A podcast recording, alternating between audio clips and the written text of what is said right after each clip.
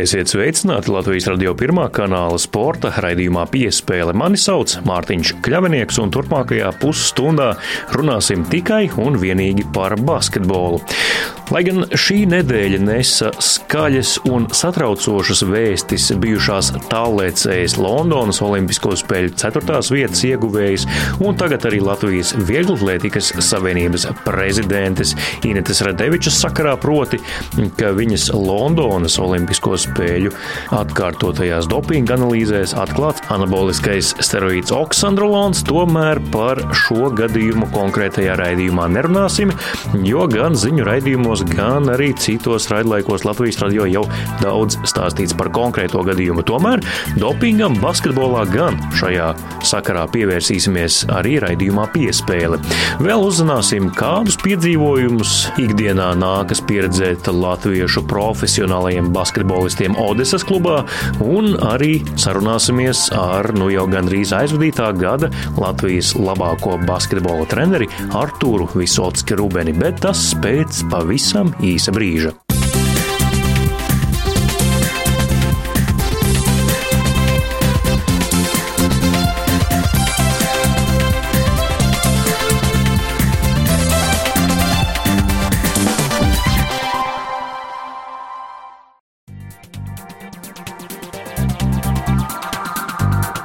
Jūs klausāties Latvijas radio pirmā kanāla sporta raidījumu piespēli, un tā turpinājumā nevaram neiztikt bez šonadēļ tik aktuālā dopinga temata. Inata Radeviča saņēmusi pagaidu diskvalifikāciju par viņas atkārtoti pārbaudītajās Londonas urīna analīzēs atklāto anabolisko steroīdu oksandrolonu. Kā attīstīsies Radevičas lieta vēl nav zināms, bet bargāku sodu viņa pavisam noteikti saņems saņems. Uzreiz pēc tam, kad tapa zināms, ka viņas dopinga analīzes ir pozitīvas, Radeviča atkāpās arī no Latvijas Vieglatlētikas Savienības prezidenta amata. Tā kā šajā raidījumā runājam par basketbolu, turpinājumā saruna ar Latvijas vīru basketbola izlases ārstu Mārtiņu Pulveri, kurš specializējas sporta medicīnā, un viņš pastāstīs par to, cik biežas tad īsti ir dopinga pārbaudes profesionālajā basketbolā. Jūs strādājat šobrīd ar vīriešu basketbolu izlasi. Kāds ir process? Viņi dzer to, ko jūs iedodat, bet tā sauktie kokteilīši, kā līdz tiem nonāk, kā jūs izvēlaties to, ko viņiem dot, ko katram vajag, kāds tas process ir. Mēs dodam uh, tikai to, ko šobrīd esam sagatavojuši, jā, ko es esmu sagatavojis. Tie visi preparāti ir, protams, simtprocentīgi pārbaudīti. Mēs izmantojam tikai tādus, kas ir ar certifikātiem, viņi nestur dopingu. Jā. Un tāpēc mums arī nesanāk tik daudz to preparātu. Tas ir diezgan vienkāršas lietas, kā recovery saucamais, jā, proteīns.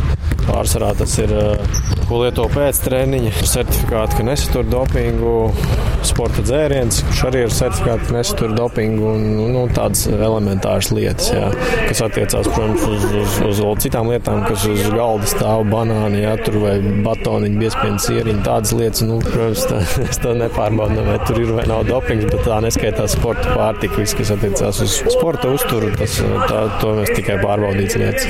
Cik basketbolā vispār ir biežas dopinga pārbaudas izlaša līmenī, klubu līmenī? Nu, pēdējā gada laikā ir bijušas neredzēti daudz pārbaudas. Principā katrā izlases sasaukumā ir bijušas vairākas. Teikt, ka vismaz četri sportisti kā minimums ir bijuši testēti. Liksim, izlasē ir ir jā, 12, 15 cilvēki, tad nu, var teikt, ka trešo daļu katrā sasaukumā notestē, kas īstenībā nu, nevar teikt, ka būtu maz. Jā, tas ir diezgan daudz. Ja kāds lietot, es domāju, ka uh, iespēja noķert ir pietiekoši liela. Basketbols atkal ir tāds sporta veids, nu, tas ir komandas sporta veids. Ir tā ļaunprātīgi, te, nu, ir reti gadījumi, ka kāds ir kaut ko. Vai jums nav bažas par tiem, kur atbrauc, piemēram, no Austrumēropas klubiem? Mārtiņš Meijers, Krievija, Mārcis Vitols, Ukraina. Ko viņi tur ir saņēmuši? Vai jūs jautājat viņiem, ko viņiem tur dod, kādas atjaunošanās dzērienus un, un tam līdzīgi, vai, vai nejautājat šādus jautājumus, kad viņi atbrauc uz izlasi? Parasti nu, sistēma ir tāda, ka ja spēlētājs pats kaut ko lieto, tad viņam parasti ir līdzi tas, ko viņš lieto. Viņš ir parasti uzrāda jā, buļģiņas, kas ir tas, kas viņam ir līdzi, jā, vai tur savs proteīns, vēl kaut kas, kas uzmet acis, kas, kas tur ko tas satur. Jā. Bet uh, neviens nespēlē teikt, tik zema līmeņa komandās, kur nu, nebūtu ārsts, kas pārbauda tās lietas. Jā. Nu, varbūt, ja kāds spēlē kaut kādā zemāk, zemākā līgā, tad, tad tur neviens nepieskat tās lietas. Tad sportists, protams, var nopirkt kaut ko, kam nav garantijas, ka, tā, ka tas preparāts ir tīrs, bet nu, šāda līmeņa spēlētāji parasti nu, tiek pieskatīti. Jā. Mm.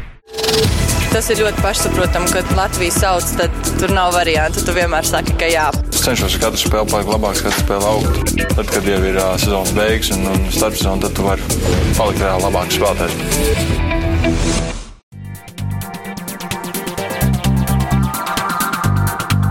Dzirdējām sporta ārstu Mārtiņu Pulveri, kurš ikdienā strādā ar Latvijas vīru basketbola izlasi, bet turpinājumā saruna ar aizvadītā gada Latvijas labāko basketbola treneri Artūru Visotski Rubeni. Viņš šādu apbalvojumu saņēma pirmdien, un tas, protams, saistīts ar to, ka vasaras izskaņā viņa vadībā Latvijas juniori vecumā līdz 18 gadiem ieguva Eiropas čempionāta sudraba medaļas. Artūrs ir basketbola trenera Mārtiņa Zībārta audzēknis, un, kas interesanti, Zībārts šādu pat apbalvojumu kā gada labākais basketbola treneris saņēma pagājušajā gadā. Aizvadītā, nu jau gandrīz aizvadītā gada labākais basketbola treneris Artūrs Isotskas Rubens, Artūr uh, tie godi pagodinoši, bet cik tu pats tos izcēli, vai tie tev ir tā, tas paliek pagātnē? Es esmu iemācījies šajā laikā, kad ir jāizbauda tas mirklis. Tāpat kā līdzīgi šajā Eiropas čempionātā, kad mēs izcīnījām tās sudraba medaļas, tad es arī Džekiem teicu, labi, mēs zaudējam finālā, bet izbaudām šo mirkli, mēs saņemam medaļas. Arī tagad savā ziņā es izbaudīju to brīdi, kad man to pasniedz, jo tas man bija liels pārsteigums. Bet uh, daudzi jau cilvēki, kas ir saņēmuši šādas balvas, atzinības, uh, viņi visi ir teikuši, ka nu, ir divi varianti, ko tālāk dari. Vai nu tas tevi nogremdē patiesībā, jo uzliek ļoti lielu atbildību, tādu, vai arī otrs, ka tu vienkārši to izmanto kā motivāciju tālāk labākiem ceļiem. Nu, es, šādos gadījumos vienmēr cilvēks patiesībā cīnās ar savu lepnību. Tā ir šādas balvas, viņas nedaudz tevi kā, paceļ augstāk, liekas, ka tas ir labāks arī cilvēks. Bet patiesībā tā ir tikai treneru balva, kas ir šajā brīdī iegūta. Un, bet jāstrādā ļoti smagi arī tālāk, lai kaut ko sasniegtu tālāk. Atkal. Atzīšos, ka arī es balsoju par tevi šajā aptaujā, bet uh, cik ironiski, ka tu esi Mārtiņa Zībarta audzēknis. Mārtiņš Zībarta šo balvu saņēma pagājušajā gadā, un tu saņem šogad. Nu jā, tas ir īstenībā arī ļoti, tas ir savā veidā tāds pagodinājums arī.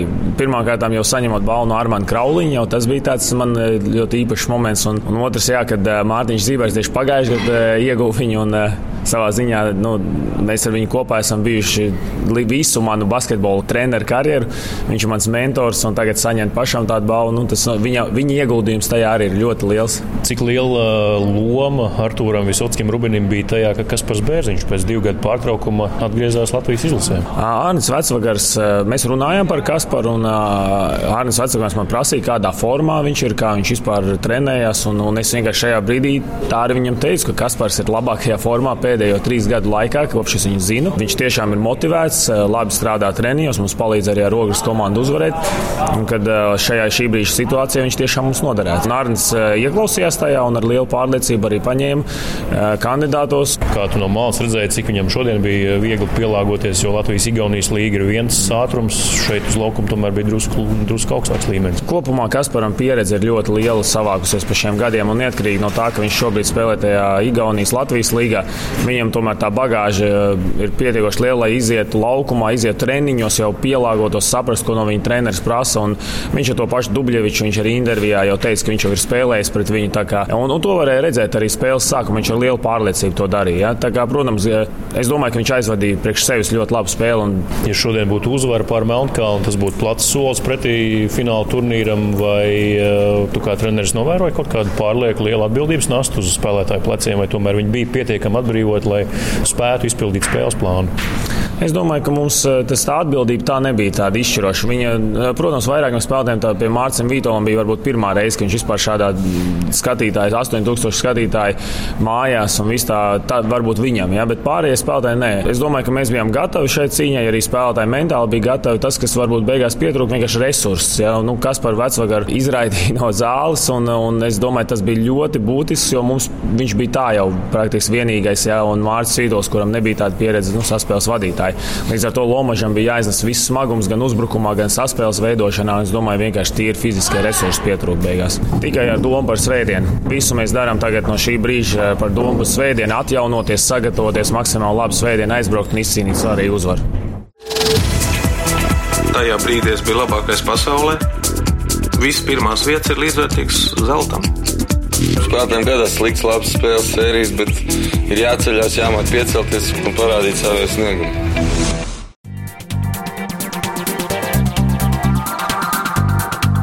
Turpinās Latvijas radio pirmā kanāla sporta raidījums piespēle. Mani sauc Mārtiņš Kļavinieks, un turpinājumā runāsim par basketbolu Odesā.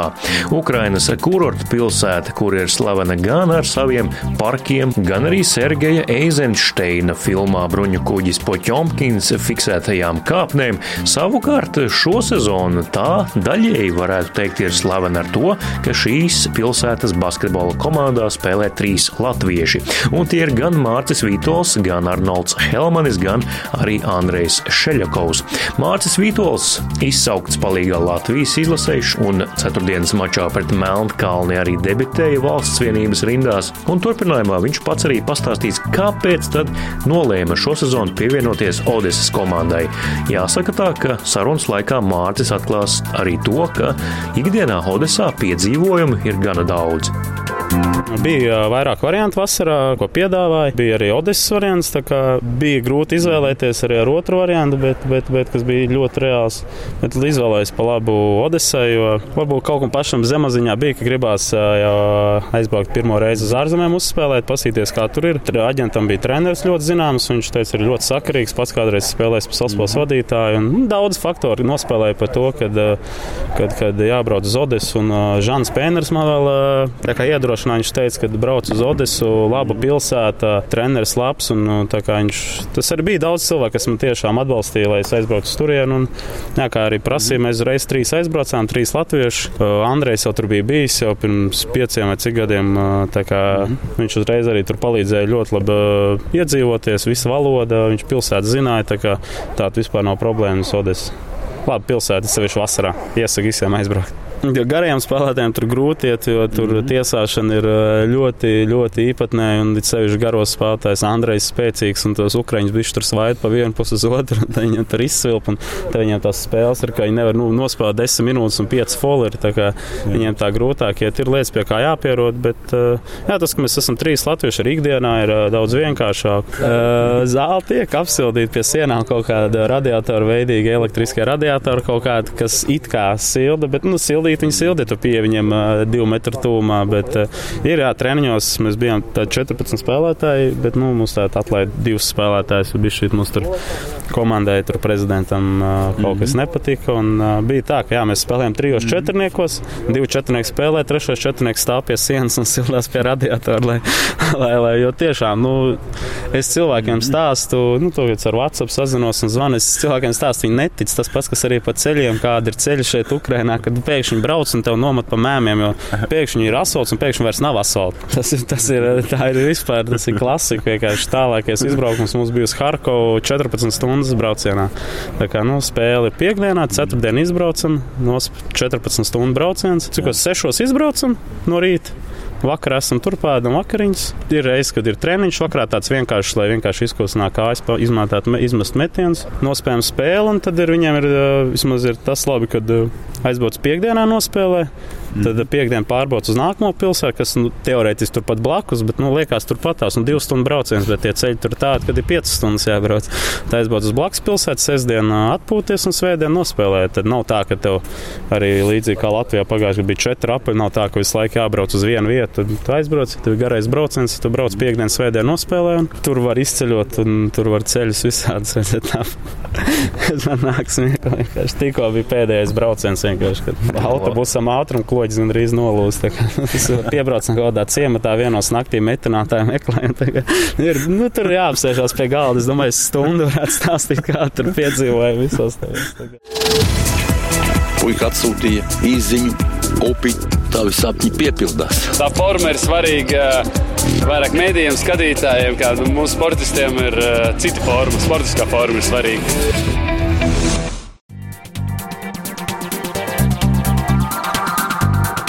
Odesā Mārcis Vītols, Latvijas izlases saspēles vadītājs šo sezonu. Viņš pārstāv Ukrainas superlīgas klubu Odessa. Viņa komandas biedrs ir Arnolds Helmanis un arī centra spēlētājs Andrejs Šeļakovs. Gan Arnolds, gan arī Andrejs atradās Odesā arī brīdī, kad Mārcis bija Latvijā, lai gatavotos Latvijas izlases spēlē pret Melnkalni, un tieši to brīdi Krievijas un Ukrainas konflikta dēļ Azovas jūrā tika izsludināts kara stāvoklis visā Ukrainā. Latvijas radio sporta raidījums piespēle sazinājās ar Andreju Šejakovu Odesā, jautāja viņam gan par to, kā ir spēlēt basketbolu šajā pilsētā, un, protams, vispirms, kāda tad ir situācija saistībā ar drošību šobrīd Ukrainā un īpaši Odesā.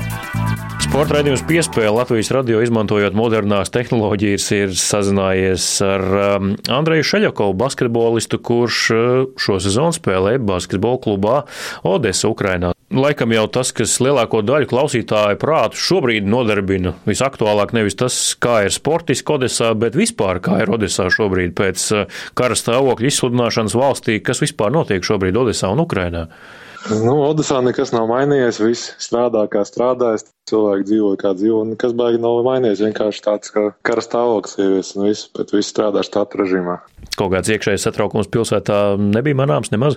Cilvēki baigi neuztraucās, vienkārši viņi, nu, vairāk nesapratu, kādā sakarā kaut ko tādu jātaisa. Jā, nu tad, tad tik tālu nomierinot radioklausītājus, tiem, kuri satraucās. Kā jau pieminēju, šo sezonu spēlēja Odesā kopā ar vēl diviem latviešiem - Arnoldu Helmani un Mārcis Vītolu. Mārcis gan ir devies palīgā Latvijas izlasē. Ar viņu arī drusku aprunājos, uzzināju šo to, bet varbūt pastāst no sākuma, kā nolēmi piekrist Odesas piedāvājumam starpsezonām.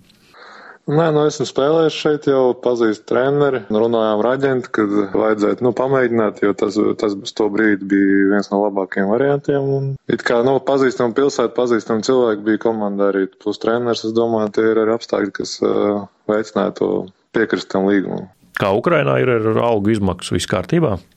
Nu, droši vien, ka tagad bišķi pakavēsies saistībā ar uh, ieviest to karu stāvokli, bet, nu, nezinu, tad jau redzēs. Odeses klubs, cik tur ir kaut kas līdzīgi, kā tev tur pirmoreiz esot, un cik tur ir mainījies uh, apstākļu ziņā, bāze, treniņi, vispārējais?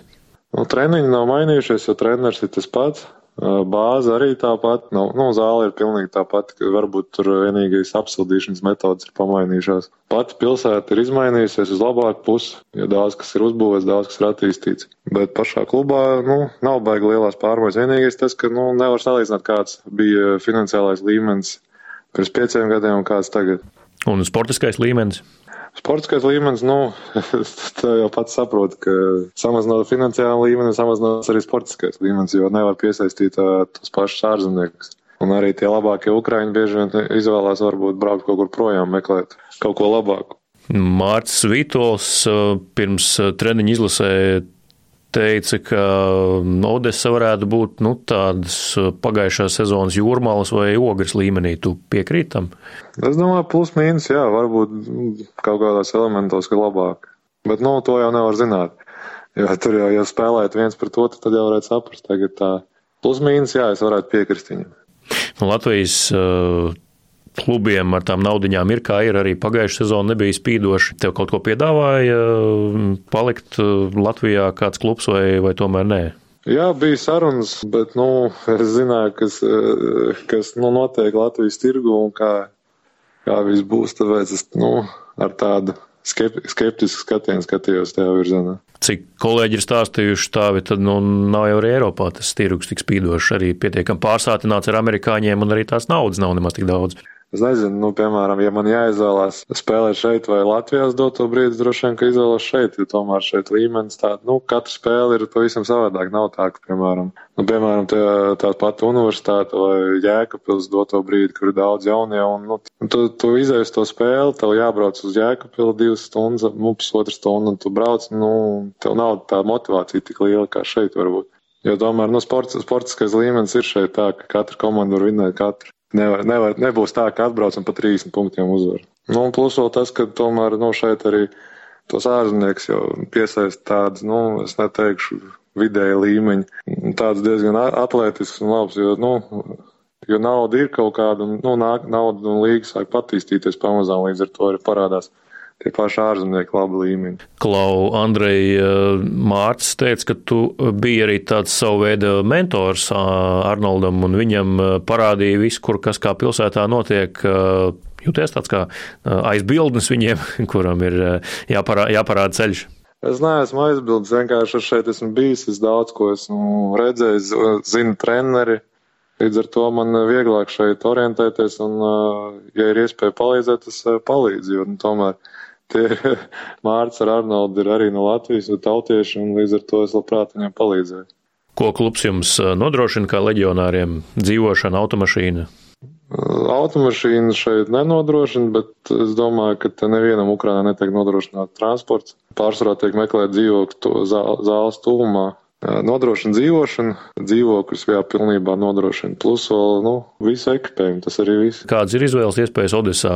Nu, tu tur jau biji bijis, tu zināji, ko meklēt, vai ne? Kur, kā, kā tu vēlies, varēji arī izvēlēties? Nu, es zināju, kur, kur kas ir labs, un, bet, nu, sākumā mums rādīja ne tos labākos variants, bet uh, man pavaicās, jo es pirms pieciem gadiem ar, ar komandas biedru, ko spēlēju, satiku, un viņš man piedāvāja īrēt viņu dzīvokli, un es uh, izvēlējos arī to iespēju. Pēc tā arī Mārcim un Arnoldam attiecīgi labs dzīvoklis atrada. Jūs dzīvojat kaut kur netālu viens no otra? Mārta dzīvo centrā, es ar Arnoldu tuvāk esam, jā bijuši nomaļas no centra. Dažreiz mēs sauc, savācamies kopā, paskatīties kādu spēli, kādu futbola maču vai basketbola maču. Andrej, nu, tu neesi pirmo reizi, kā saka, ar pīpu uz jumtu Ukrainā jau esi bijis, bet tomēr pastāst par to Ukrainas kolorītu, kāds tur ir. Mārcis stāstīja daudz jautrus stāstus gan par autobusu izbraucieniem, gan par mm, nolaustajiem ātrumkloķiem un metinātāju meklēšanu ciematā vienos naktī. Kas tev varbūt arī kāds interesants, interesants stāsts sazotē saistībā ar to visu? To, ko Mārcis stāstīja, jā, tas ir, tas ir noticis, bet, nu, te tomēr ar to tehniku ir kā ir ar to transportu, jo, nu, mēs arī šeit, nu, redzam tos pašus sabiedriskos transportus, kur nav, piemēram, tādā līmenī kā Latvijā, bet, nu, viņi arī maksā attiecīgi braucienu. Ja mums, piemēram, 2 eiro maksā brauciens, tad šeit, piemēram, brauciens ar to pašu tramvaju maksā 10 vai 20 centi kaut kas tam līdzīgs. Nav, nav ko sūkstēties, ka varbūt tas transports nav tas labākais, bet viņš arī nav braukšanas ziņā tāds dārgākais. Nu, ceļi, jā, ceļi te, te ir, nu, tie arī paši vietēji jau smējās, ka, nu, pa lielām ar tām, ka jābrauc. Nevar teikt, ka visi ceļi ir slikti, vienkārši mums sanāk braukt pa tādām eh, ceļiem, kur nav tie labākie. Bet, nu, šeit ir, cik es runāju, kaut kādas sešas vai piecas tādas labas trases, nu, nosacīt labas trases pa kurām var braukt. Vienīgais, varbūt mēs nebraucam pa viņiem, ka, jo tas sanāk laika, nu, laika ziņā daudz ietilpīgāks brauciens nekā, piemēram, pa to īsāku ceļu, kurš nav tas labākais. Cik jums vispār komfortabli, neņemot vērā ceļa apstākļus, ir pārvietoties garajos izbraukumos? Nu, autobuss ir pietiekami, kas saka, mūsdienīgs, lai, lai pārvietotos ilgi, vai tomēr arī tur ir, ir kur augt? Nē, nu kā, nu, standarta autobus, nekas tur īpaši nav. Es nezinu, kā citiem klubiem, bet, nu, mums ir uh, īrēts autobus. Es domāju, no autobus īrēts autobus, līdz ar to ir standarta autobus. Vienīgais, ko mēs paši pielāgojamies, tas, nu, ko sporta industrija mums devusi, piemēram, tās pašas kompresijas, zeķes kompresijas, uh, uh, veļa, kas, piemēram, nu, neļauj tik ļoti, nu, tam kājām nogurt pēc tādiem ātriem, nu, tāliem pārbraucieniem. Zāle, treniņi, to arī Mārcis stāstīja jau par to, ka apmēram 12, 13 grādi ir zālē un, uh, un jakas biezās jāvelk, vai tā tiešām ir tik traki? Nu, tā bija, bet, nu, es nezinu, kā, kā Mārcis aizbrauc, tā ir pieslēgta apsildīšana uh, zālē, līdz ar to ir tā kļūst siltāk. Tagad Mārcis, kad brauks atpakaļ, tad sajūtīs to. Bet, nu, jā, mums vienkārši saistībā ar to gāzi nu, un apsildīšanu ir kā ir, jo, nu, tomēr ir apgrūtināta tā padeva, un līdz ar to varbūt tām rajonām bija bišķi ilgāk jāgaida, lai līdz to siltumu padevēja. Nu, es dzīvoju pilnīgi jaunā mājā, līdz ar to man diezgan ātri pieslēdz. Es domāju, ka te vienkārši, nu, tiek nodalīti pa sektoriem, kur kur ātrāk, kur vēlāk tiek pieslēgta apsildīšana. Līdz ar to zālē, jā, bija augstāks, bet uh, tur meklēja kaut kāds racions, līdz ar to ir uzlikts tās elektriskās lampas, kuras silda līdz, nu, līdz ar to tas siltums bija kā bija. Jo tomēr zāle ir tā metāla šķūns, kas ir var redzēt ļoti daudzās dienvidu valstīs. Itālijā, es domāju, ļoti daudz tādu zāles, tā, nu, tādu tipu zāles. Līdz ar to tas vasarās ir ļoti karsti, ziemās ir augsts. Klau, cik tev liels Pārsteigums bija tas, ka Mārcis saņēma izsaukumu uz Latvijas izlasi. Nu, es vienkārši zināju, kas notiek tur iekšienē. Līdz ar to es domāju, ka nu, tas bija tikai tāds pareizs lēmums, jo, nu, diemžēl, bet saspēles ziņā mums ir tā kā ir. Mums, mums nav tik daudz iespējas ar saspēles vadītājiem variāciju. Jā, no Andreja Garo spēlētāja arī nav nemaz tik daudz, vai tu pats arī varbūt cerēji, ka arī Mārcis tev varētu paķert līdzi un Arnim Vecmagaram arī to varētu iekrist acīs šajā sasaukumā?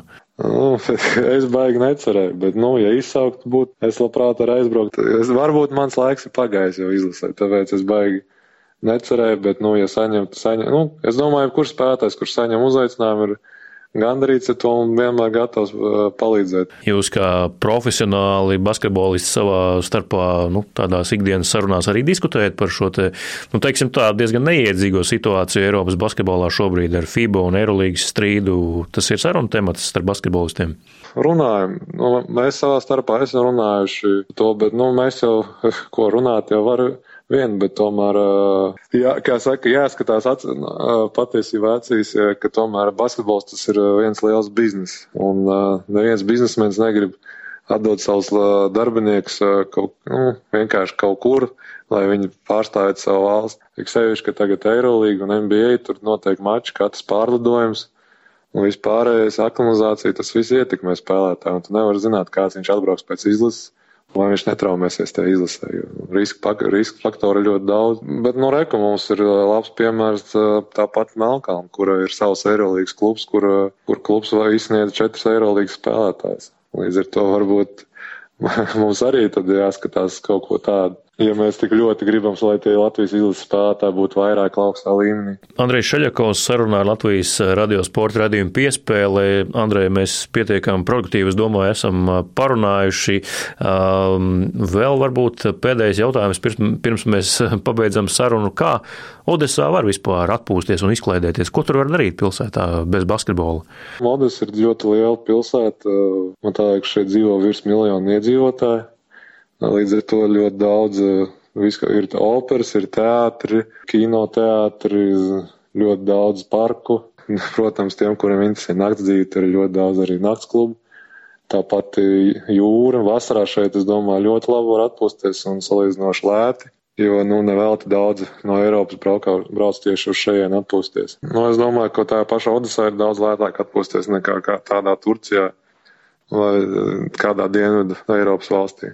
Tā ir liela pilsēta, viņa attīstās, jo, kā mēs zinām, Krima, Krima tika aneksēta, un līdz ar to tas ir tagad viens no galvenajiem kurortu pilsētām Ukrainā, kur brauc uz vasarā daudz cilvēku. Līdz ar to uh, Ukrainas valsts, es domāju, saprot, ka ir jāiegulda uh, līdzekļi šeit, lai viņi attīstītu. Viesspēlētājiem tas arī ir faktors, uh, nu, tomēr, lai pilsēta būtu pietiekami laba, piemēram, tev izvēloties līgumu. Es domāju, ne tikai spēlētājiem, es domāju, kuram cilvēkam ir svarīgi, lai, piemēram, tur, kur viņš spēlē, lai būtu lai nebūtu tikai zāle un mājas, jo tomēr tas ir diezgan nomācoši. Tev, nu, tu visu laiku esi vienā rutīnā. Varbūt jauniem spēlētājiem tas ir Tā ka, nu, es domāju, tas varētu būt daudz eh, labāk, piemēram, kāda, ne, nu, tāda pilsēta, kur nav ko darīt, bet ir zāle un ir basketbols, un tas ir eh, vienīgais, kas, eh, kas, nu, jauniem cilvēkiem, jaunam spēlētājiem varbūt tiek, tiek ieguldīts, lai viņš kļūtu labāks, bet, piemēram, ar laiku jau cilvēkiem tomēr vajag arī tādu, nu, lai viņš novērstos no basketbola arī.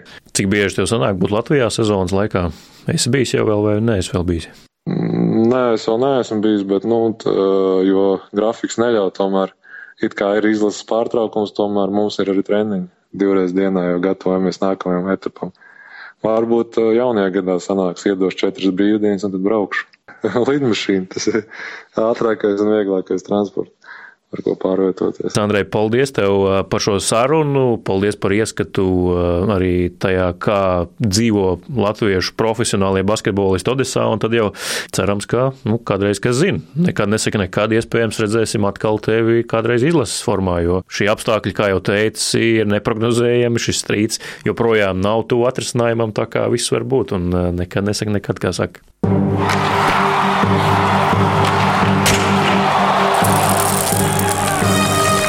Sporta raidījums piespēle šoreiz izskan. No jums atvadās raidījuma vadītājs un veidotājs Mārtiņš Kļavinieks uz sadzirdēšanos jau kādā no nākamajiem raidījumiem.